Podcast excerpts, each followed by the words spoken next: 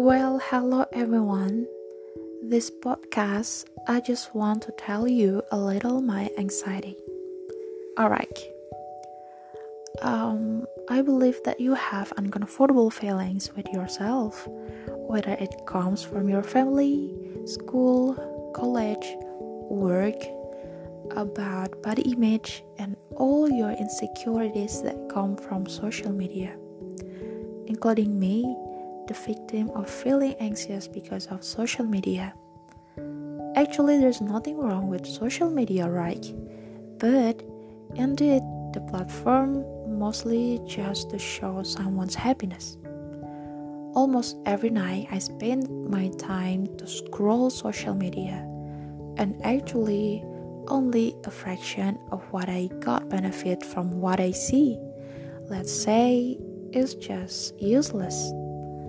I just realized that uselessness after all my time, my quota, and my battery ran out.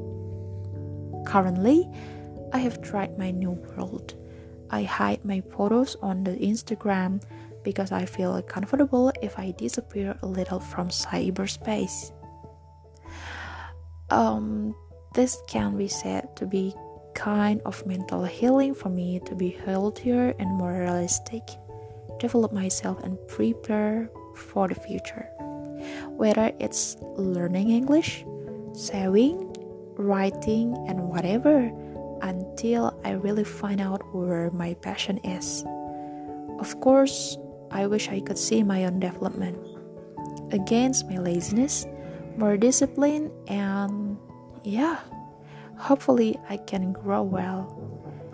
And also for those of you who listen to this podcast, dare to step back a little from the world and find your passion. And the last, let's grow up together.